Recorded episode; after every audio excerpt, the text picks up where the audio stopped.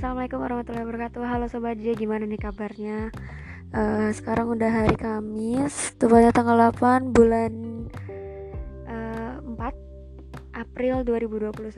Gue akhirnya balik lagi di podcast. Udah kangen banget sih sama sobat J. Semoga masih dengerin dan ya kali ini gue bakal sharing-sharing siapa yang terjadi di bulan April ini di awal-awal bulan April ya mungkin untuk teman-teman semua yang masih uh, apa ya diberikan nikmat sehat tetap jaga kesehatannya. Karena kesehatan itu mahal daripada lu sakit. Nanti lu ke rumah sakit sekarang juga bentrok sama perawat yang lagi ngurusin dengan pasien COVID-19 biar kita nggak berebutan kamar maupun kayak mm, untuk perawatannya lebih baik kita menjadi lebih pribadi yang lebih sehat dan uh, ya bisa menjaga diri sendiri.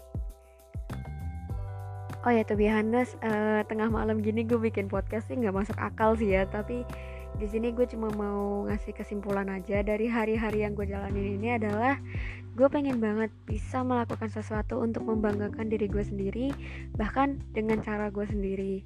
Di sini uh, mungkin cara berkarya gue ini lebih berbeda dengan orang lain dari segi cara uh, editing maupun take bahkan dari segi karyanya itu beda sendi sendiri karena uh, inilah yang menggambarkan diri gue gitu loh.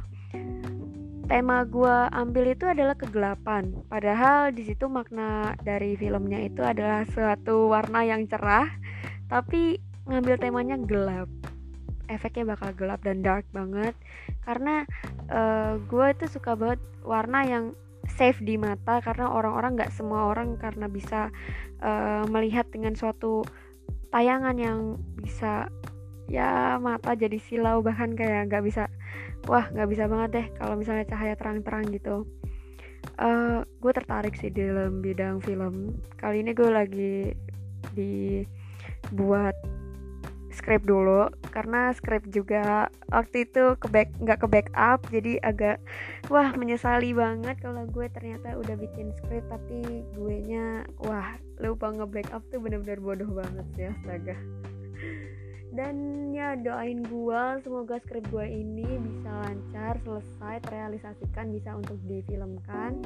Bahkan gue pengen banget bisa buat film untuk karya gue sendiri biar uh, gue pengen banget bisa ngeliat karya gue tulis ini bisa laku ditonton sama banyak orang. Bahkan da, bukan hanya sekedar dari uh, bukan dari sebuah perasaan tapi mengenai dari realistis menghadapi uh, hidup itu seperti apa gitu. Ya mungkin segitu aja sih yang bisa gue sharing hari ini. Dan uh, kalau bisa tidur ya karena uh, emang capek sih kalau misalnya lu pada nggak tidur karena lu juga nggak fit dan lain-lainnya lu harus ready untuk uh, ngadepin esok hari. Walaupun lu harus ya prepare prepare dengan uh, dengan sepenuh hati lu harus tetap semangat juga karena kuliah online ini juga mengganggu pikiran dan uh, mood juga keganggu walaupun mood lo jelek tapi tetap distabilin dulu karena kuliah itu membutuhkan uh, pikiran yang tenang dan ya nggak perlu muluk-muluk lo harus manut dengan uh, dengan semuanya untuk bisa melancarin itu semua. Oke okay, itu aja.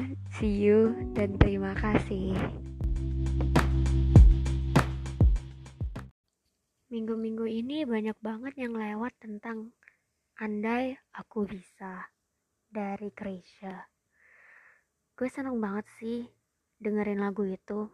Udah lama banget sih. Bahkan di cover sama Ahmad Dhani pun gue juga seneng banget tuh denger lagu itu. Tetap aja damai. Itu lagu bermakna tentang seseorang yang tidak mau menyakiti hati pujaan hatinya dengan menunjukkan perasaan yang tulusnya kepada orang terkasihnya. Bahkan walaupun dia sudah memendam, walaupun mau mengungkapkannya pun juga percuma. Hatinya gak mau dilukain untuk dirinya. Lebih baik dia memendam dan melukai dirinya sendiri dengan memendam itu semua. Terkadang memendam menjadi jalan satu-satunya untuk menjadi jalan yang lebih baik dibandingkan harus mengungkapkannya perih sih. Tapi mau bagaimana lagi? Solusinya udah nggak ada. Untuk hati yang udah nggak terbalaskan bahkan untuk dikecewakan dengan diri sendiri